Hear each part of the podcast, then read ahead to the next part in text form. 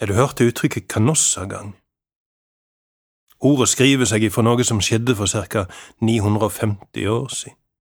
Den tyske keiseren Henrik 4. og pave Gregor den sjuende lå i en hard maktkamp, og det kom så langt at paven ekskommuniserte keiseren og forbød folk å tjene han som konge.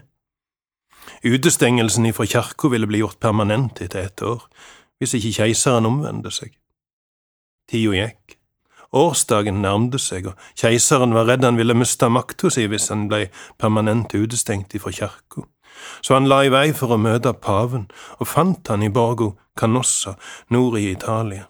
Der sto keiseren i botsdrakt, barbeint og fastende i tre dager.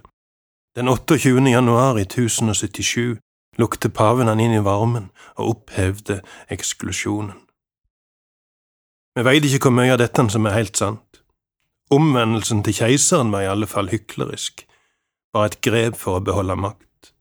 Sto han barbeint i snøen i tre dager? Fasta han? Antagelig ikke, men kanskje denne hendelsen kan stå som et eksempel på hvordan vi tenker det burde være når en synder vender om. At tilgivelse og oppreisning blir oppnådd ved å smelte en isfront av motvilje og nag gjennom å legge seg helt flat, paddeflat, og sjå knust ut. Kanskje tenker vi, bevisst eller ubevisst, at vi òg ville vært villige til å tilgi de som har såra oss, hvis de bare kunne komme til oss på samme vis som Henrik den fjerde, med hua i hånda, stå på trappa og bukke og skrape, kviskre fram en gråtkvalt bekjennelse og en inntrengende bønn om tilgivelse, jau, da skulle vi vist dere storsinna og latt de få komme inn i varmen. Vi skulle til og med funnet fram en kopp med kaffe til de og et kakestykke fra kjøleskapet, hvis de bare kunne komme med lua i hånda. Da er det interessant å lese hva Bibelen forteller om en av Jesus sine disipler. Jesus hadde varsla at de alle kom til å svikte han når han blei tatt til fange, men Peter hadde lovt dyrt og hellig at han skulle stå trufast ved Jesus' side uansett. Om alle andre her sviker deg, så skal i alle fall ikke jeg gjøre det, hadde han sagt, jeg er villig til å gå i døden for deg. Men Jesus sa til han, før hanen gjeler, er du fornekta meg tre ganger. Da det kom til stykket, var virkelig Peter villig til å gå i døden for Jesus. Han drog et sverd og gikk imot ei enorme overmakt av folk som hadde kommet til Getsemanhagen for å arrestere Jesus. Men Jesus ba han stikke sverdet i slira igjen, og så overga Jesus seg til soldatene, og disiplene, de flykta, alle som ein. Da Jesus blei ført vekk, fulgte Peter etter på avstand, og han sette seg att med bålet forbi huset der Jesus blei avhørt.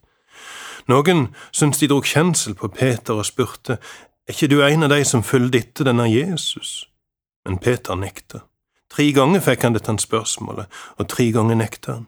Siste gangen svor han til med på det. Jeg kjenner ikke det mennesket. Da gol hanen. Peter gikk ut i mørket og grein bittert. Jesus blei dømt, og han blei korsfesta.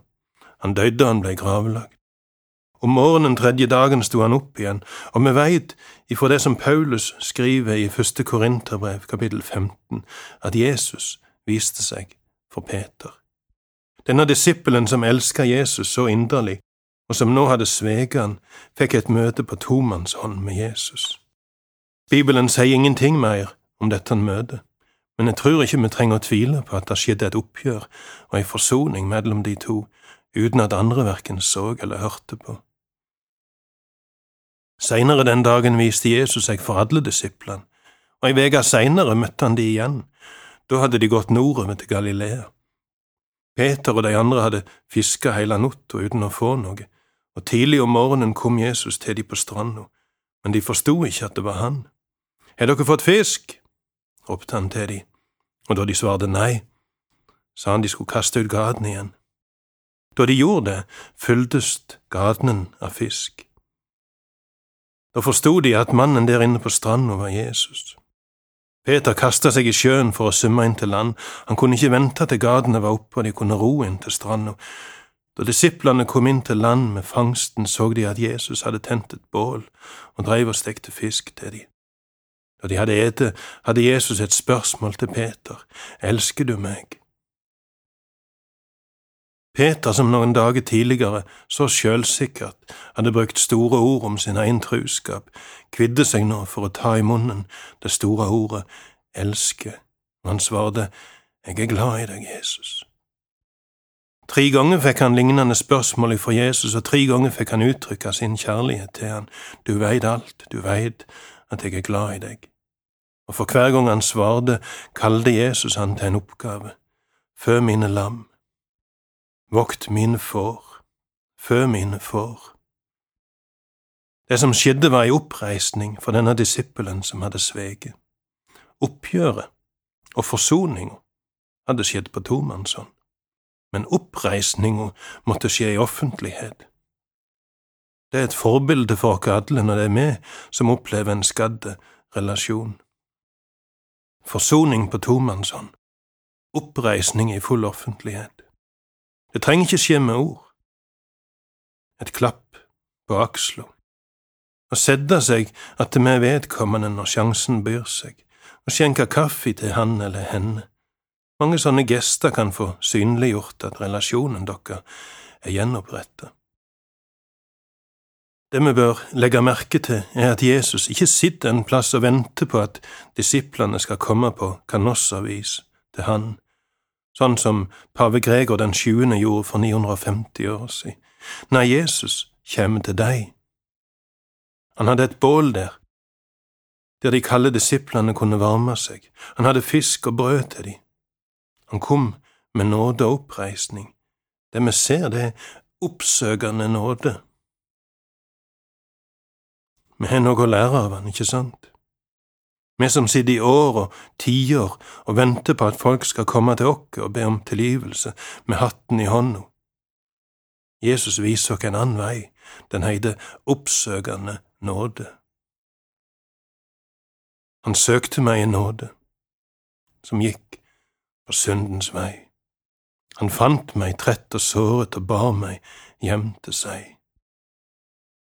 Nåde at han fant meg, kjærlighet som vant meg, nåde at han bar meg til sin fold. Ja, nåde at han bar meg til sin fold. Det sa Magne Vatland i Over en åpen bibel. Når jeg har produsert andakter for radio siden 1956, fordi vi ønsker å styrke kristne i deres tro ved å løfte fram Bibelen som Guds ord.